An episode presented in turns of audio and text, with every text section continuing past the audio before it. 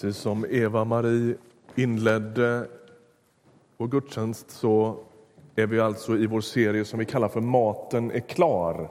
Där vi stannar inför en återkommande bild i Bibeln, nämligen bordet. Jesus bjuder oss till bords. Och idag ska vi läsa en... Om det finns klassiska bibeltexter så skulle jag säga att detta är en av de riktigt liksom, klassiska. Många människor som kanske inte är så vana att läsa Bibeln har ändå lite hum om den här. Vi ska läsa psalm 23 tillsammans idag. Den så kallade herdesalmen. Har du en bibel i någon form så får du gärna hänga med, annars kommer texten på väggen. En psalm av David.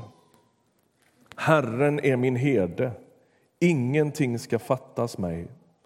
Han för mig i vall på gröna ängar, han låter mig vila vid lugna vatten. Han ger mig ny kraft och leder mig på rätta vägar, sitt namn till ära. Inte ens i den mörkaste dal fruktar jag något ont, ty du är med mig. Din käpp och din stav gör mig trygg. Du dukar ett bord för mig i mina fienders åsyn. Du smörjer mitt huvud med olja och fyller min bägare till bredden. Din godhet och nåd ska följa mig varje dag i mitt liv och Herrens hus ska vara mitt hem så länge jag lever. Herren är min herde. Man skulle kunna säga så här, man vet att en bibeltext är slitstark när den så fort livet skärps återkommer gång på gång.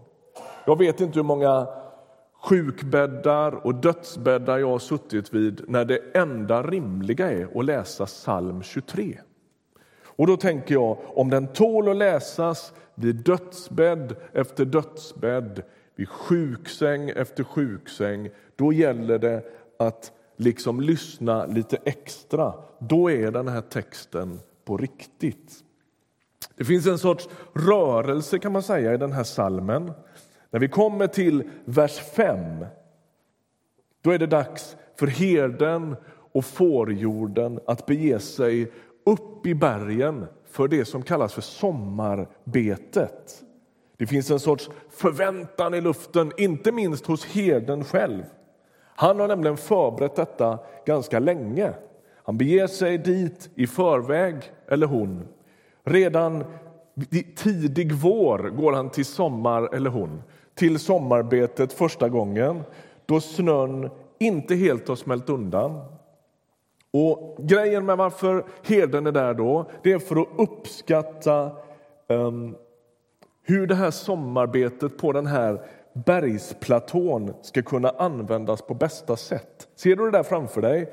Det är en kedja eller ett, ett, en eh, höj, det är liksom lite höjdskillnader där. Va? Och så rätt vad det är så utbreder sig en liten platå eller en, en flack yta där gräset gror och så för herden fåren dit för att äta.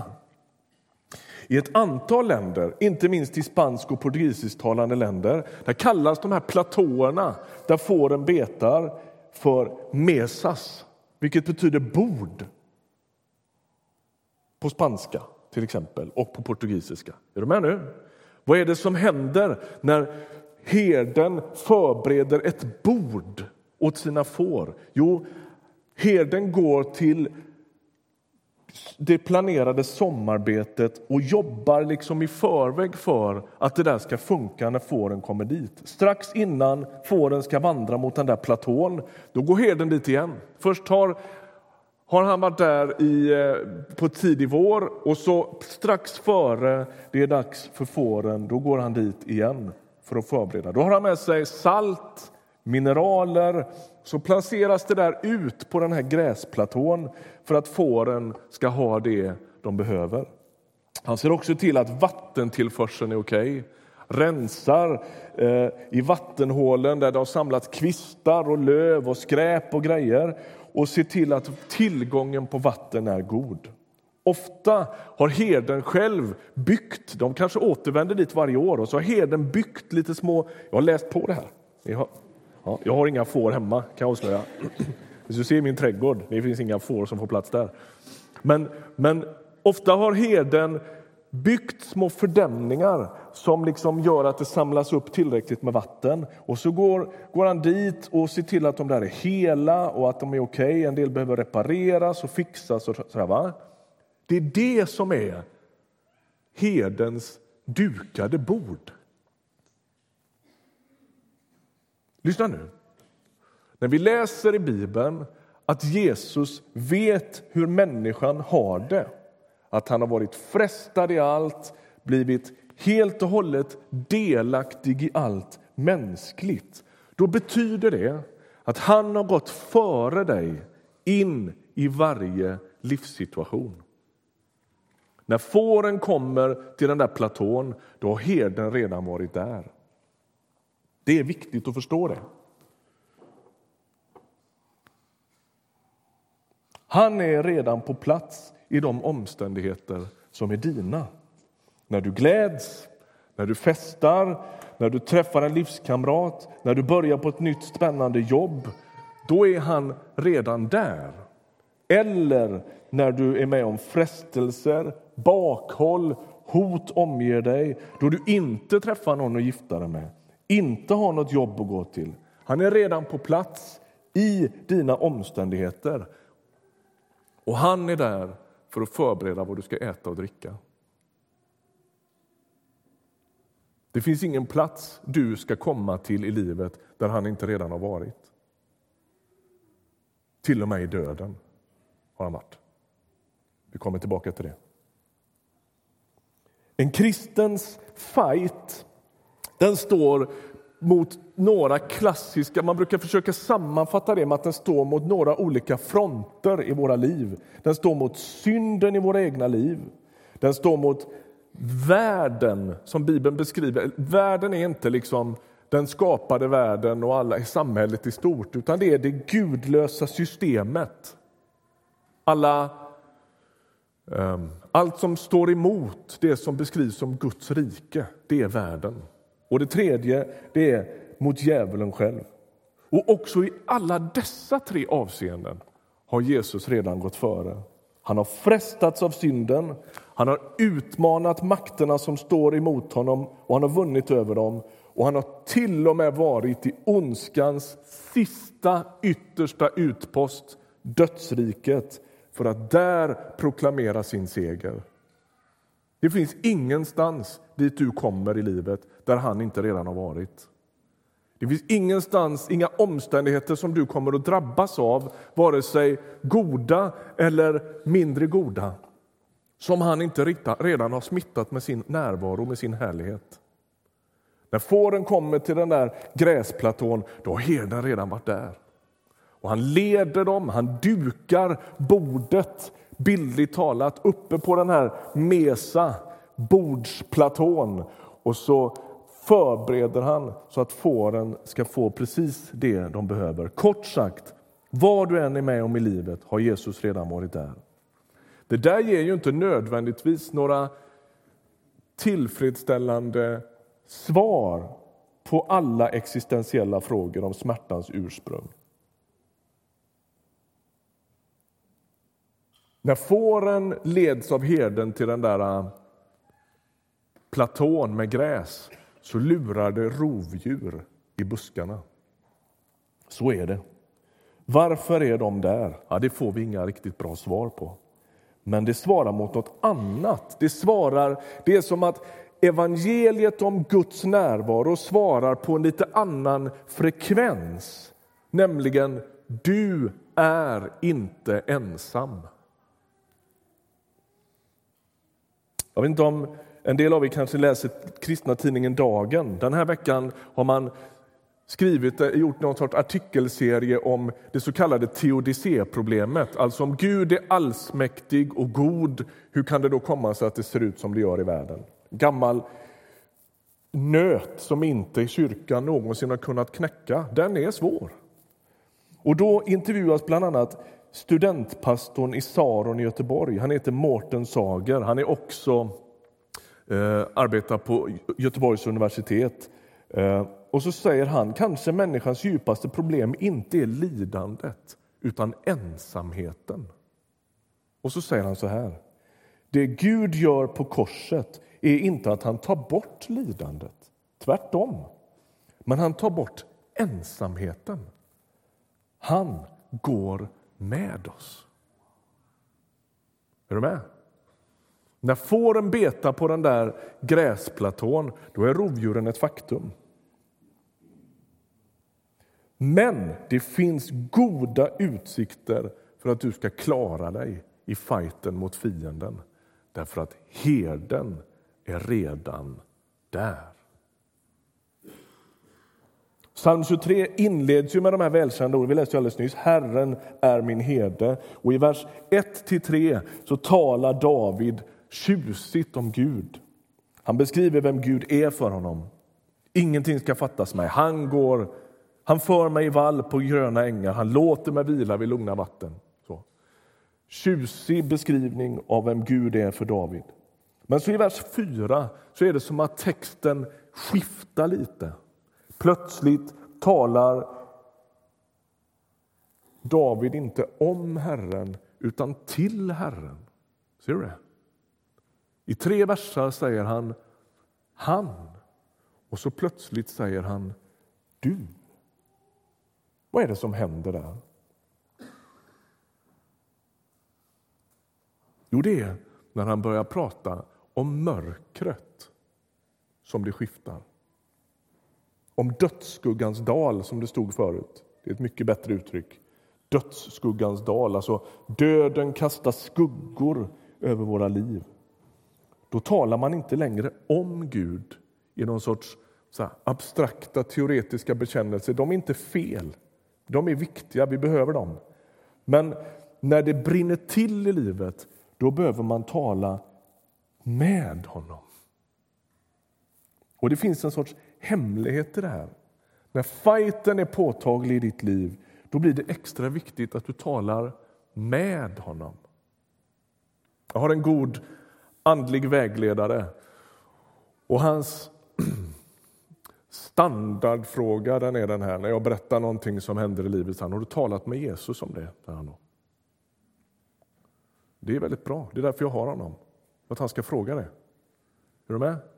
Alltså, jag skulle kunna läsa en bok, och jag skulle kunna teoretisera och skulle kunna måla upp alla möjliga eh, scheman om hur det här hänger ihop och varför och hit och dit och orsaksverkan och så. Men jag behöver tala med Jesus. Därför att där i finns botemedlet mot det djupaste problemet, nämligen jag känner mig så ensam när livet krampar. Hänger du med? Det botas genom att jag talar med honom. När herden ska förbereda det här då går han igenom rätt tuffa utmaningar, rätt tuffa umbäranden för att kunna duka det där bordet. Och snart, om en liten stund, ska vi fira nattvard. Och jag vet inte om du tänker på det så där dagligdags direkt, men det kostade Jesus enastående mycket att duka det här bordet. Han bjuder dig till bord som en stund. Det är han som gör det. Och där bjuder han på sig själv. Han lämnar sitt eget liv på det här fatet och i den här bägaren. När han bjuder till bords då har han förberett det här bordet i ordets allra djupaste mening. Vilken är min poäng idag? då? Jo, den är att Gud har berett ett bord till människan och det tar sig tydligast uttryck i gemenskapen runt det här nattvardsbordet. Men det finns ju ett problem då och det är de där rovdjuren i buskarna. Det här är ju ingen sockersöt berättelse om några små ulliga lamm egentligen. Va? Utan det här är en berättelse på liv och död. Fåren leds förvisso av herden, men rovdjuren är ett faktum. Och de där rovdjuren som lurar i buskagen när herden och hans flock kommer dit, de söker stjäla vår tro, vår frimodighet, vår frid, vår glädje, vår helighet. Allt det som Gud vill smitta ditt och mitt liv med, det försöker rovdjuren ta ifrån oss. Ytterst försöker de stjäla våra liv. livet i Gud, men också allt som kännetecknar ett gott liv. Rovdjuren är Guds totala motsats. Hur ser man då till att det inte händer? Jag tänker med den här predikan som ett försök från min sida att beskriva för dig hur man ibland behöver klamra sig fast vid det här bordet så att knogarna vitnar. Jag måste vara här, för jag dör annars. Hur man ibland får fira nattvard på liv och död. Man håller fast vid bordsskivan och man håller i sig för att inte tappa tron för att inte ge efter för de makter som försöker smitta med otro, olydnad, gudlöshet, individualism, arrogans. Jag kan fortsätta länge på den deppiga listan. Va? Allt det som söker smitta ner mitt liv med något annat än det Gud gör. Kommer ni ihåg vad vi sa om de tre fronterna? Synden, världen och djävulen. Försöker hela tiden äta mig, både inifrån och utifrån. Det berättas att de där rovdjuren de rör sig runt den här gräsplatån eller runt den här ängen där fåren betar. Och ofta finns de lite högre upp och så tittar de på den här gräsytan där fåren betar och så spanar de ut över jorden. Det, fanns en, det släpptes en bok för många år sedan, säkert 40 år sedan av en man som heter Philip Keller, en tvättäkta fåraherde. Och han skrev en bok utifrån psalm 23 för att hjälpa oss att förstå vad det är som står här egentligen. Hur funkar en herde? Um, och han berättar att det händer ju att rovdjuren lyckas ta ett får. Så är det ju. Då säger han, det är alltid de får som lämnar jorden och spatserar på sin egen hand som råkar värst ut. Det är också de får som distanserar sig från herden som blir måltavlor för rovdjuren eller för fienden. Därför är det två saker som spelar roll när rovdjuren lurar i skuggorna. Det första är fåren måste hålla ihop. Han skriver de gånger får föll offer för rovdjuren var det alltid efter att de kommit bort från flocken, säger Keller. Du vet, en individualistisk... Vi är mycket mer individualister än vad vi förstår. tänker jag. Vi läser Bibeln med de glasögonen, vi tänker tro med de glasögonen. Vi, vi tänker i väldigt stor utsträckning jag och Jesus. Och Jag tänker att vi i mycket större utsträckning skulle tänka vi och Jesus. Och ibland har predikanter varit med och skjutit på den här individualismen. Va? Vi har sagt du kan inte luta dig mot någon annans tro. Jo, det kan man visst. Ibland har man inget annat att luta sig mot. Vi ska sluta säga så. Det bara spär på någon sorts idé om att vi är utlämnade åt våra egna böner och våra egna, vår egen tro och vår egen teologi. Vi lutar oss mot hela kyrkan i hela kyrkans historia. Är du med på det? Alltså en del dagar har du ingen egen tro, du får luta dig mot någon annans. Det är inte det sämsta. Vi vet vad vi menar med det, va? nämligen att varje människa kan få göra ett djupt, en djup erfarenhet av Jesus själv. Absolut, jag köper det direkt. Men det ska aldrig förstås som någon sorts led i ett individualistiskt projekt. Gud botar oss ifrån det när han tittar på Sören Lindgren som låter döpa sig 1939, 14 år gammal och därefter har hört till församlingen. Är ni med? Det är det som är grejen. va? Vi finns i jorden. Vårt största beskydd mot, mot, mot rovdjuren i buskagen det är att hålla sig i flocken. Som pastor blir man oroad ibland när människor allt mer sällan firar gudstjänst distanserar sig från sin hemgrupp, cellgrupp börjar prata i termer av att ah, nej, men jag är, det är inte så att jag inte tror på Jesus, men jag tror inte på församlingen längre. Jag blir jätteorolig varje gång. Paulus talar om att den kristne är i Kristus. Det är liksom hans favorituttryck. Vi lever våra liv i honom. Därför är han djupast sett vårt beskydd. Och när fienden försöker riva våra liv, då håller vi oss nära Jesus. Hur gör man det? Jo, vi lever med i gudstjänstlivet. Vi lyssnar till Guds röst i bibelläsningen. Vi hittar små men goda ordningar för att be och lyssna till honom varje dag. Du som är tonåring och finns här, du som går i skolan just nu. Jag kan inte tänka mig en mer utmanande plats att vara på i samhället än att gå i skolan. Sätt mobilen på larm och be en enkel Jesusbön några gånger per dag. Jesus, hjälp mig att upptäcka dig. Det kanske är det enda. Det är inga långa grejer. Du behöver inte hålla på och greja, bara gör det. Några gånger om dagen. Jesus, hjälp mig att upptäcka dig. Hjälp mig att se att jag inte är ensam. Och alla andra här inne borde göra likadant. Häromdagen var det som föräldragrupp här i kyrkan. Och då är det småbarn här. Det är väldigt härligt. Och en liten kille på kanske ett och ett halvt år, han börjar röra sig här ute på Stora kyrktorget och drar sig bort mot trapporna. Det är väldigt spännande med trappor och hiss och grejer. Va? Och så gång efter annan vänder han sig om och så kollar han så att mamma är där. Hej mamma! Så vinkar han. Och så går han lite till och så vänder han sig om. Mamma, hej! Så här. Och så är han både liksom, han testar sina egna vingar, men han testar hela tiden av så att hon är där. Är du med? Det blev så tydligt. Vi satt några stycken och tittade på det där. Ja, men han, han, han det, det, dröjer några sekunder så vänder han sig om. Mamma!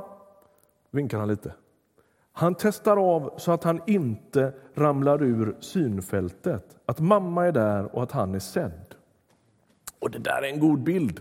En ständig kontinuerlig avstämning. Gud, är du där?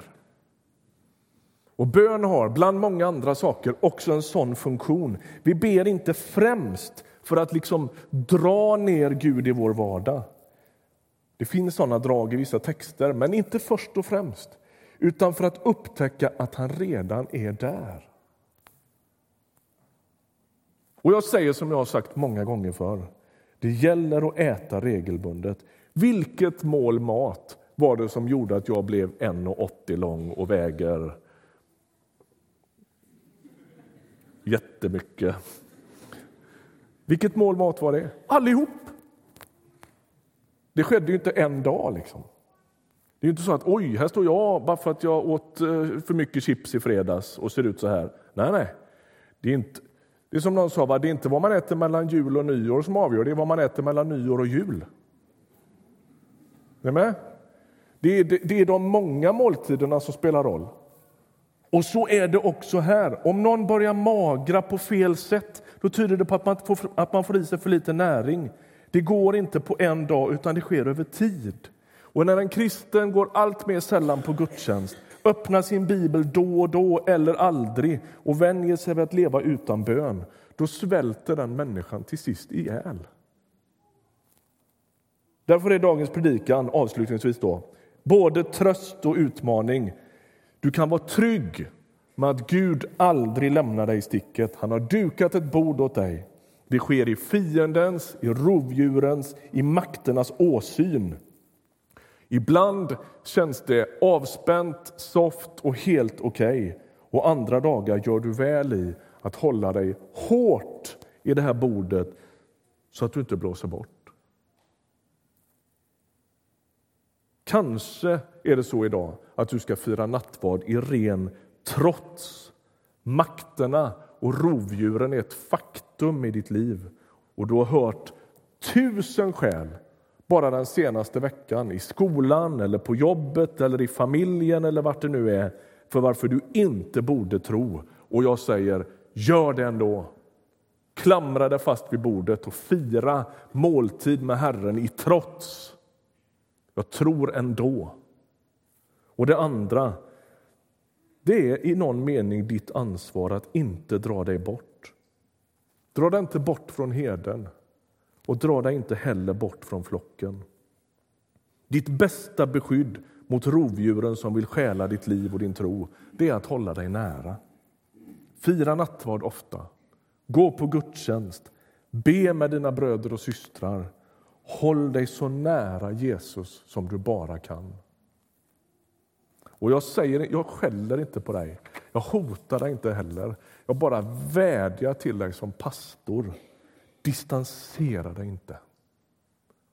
Jag kan, jag kan, jag kan ibland bli så djupt sorgsen, orolig och bekymrad när jag ser människor som så tydligt fattar beslut som gör att man distanserar sig. Glöm inte flocken. Glöm inte herden. Herden och flocken berättar för dig vem du djupast är. Vi ber tillsammans.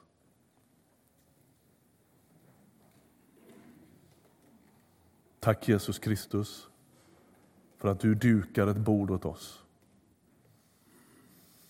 Det är inte vem som helst som serverar. Det är herrarnas herre, kungarnas kung. Livets förste, fridens förste. Jesus Kristus, vi tackar dig för att du är den du är. Vi tackar dig för att du öser av ditt goda över oss. Tack att du förbereder en måltid där du bjuder på dig själv. Vi ber om att få hålla oss nära dig. Vi ber om en blick, framför allt för att upptäcka dig, se dig i vår vardag. Märka att du går före oss in i varje omständighet. Vi ber också om en profetisk blick som kan avslöja makterna och rovdjuren. Led oss, Jesus. Bind oss vid dig. Bevara oss nära flocken. I Jesu namn. Amen.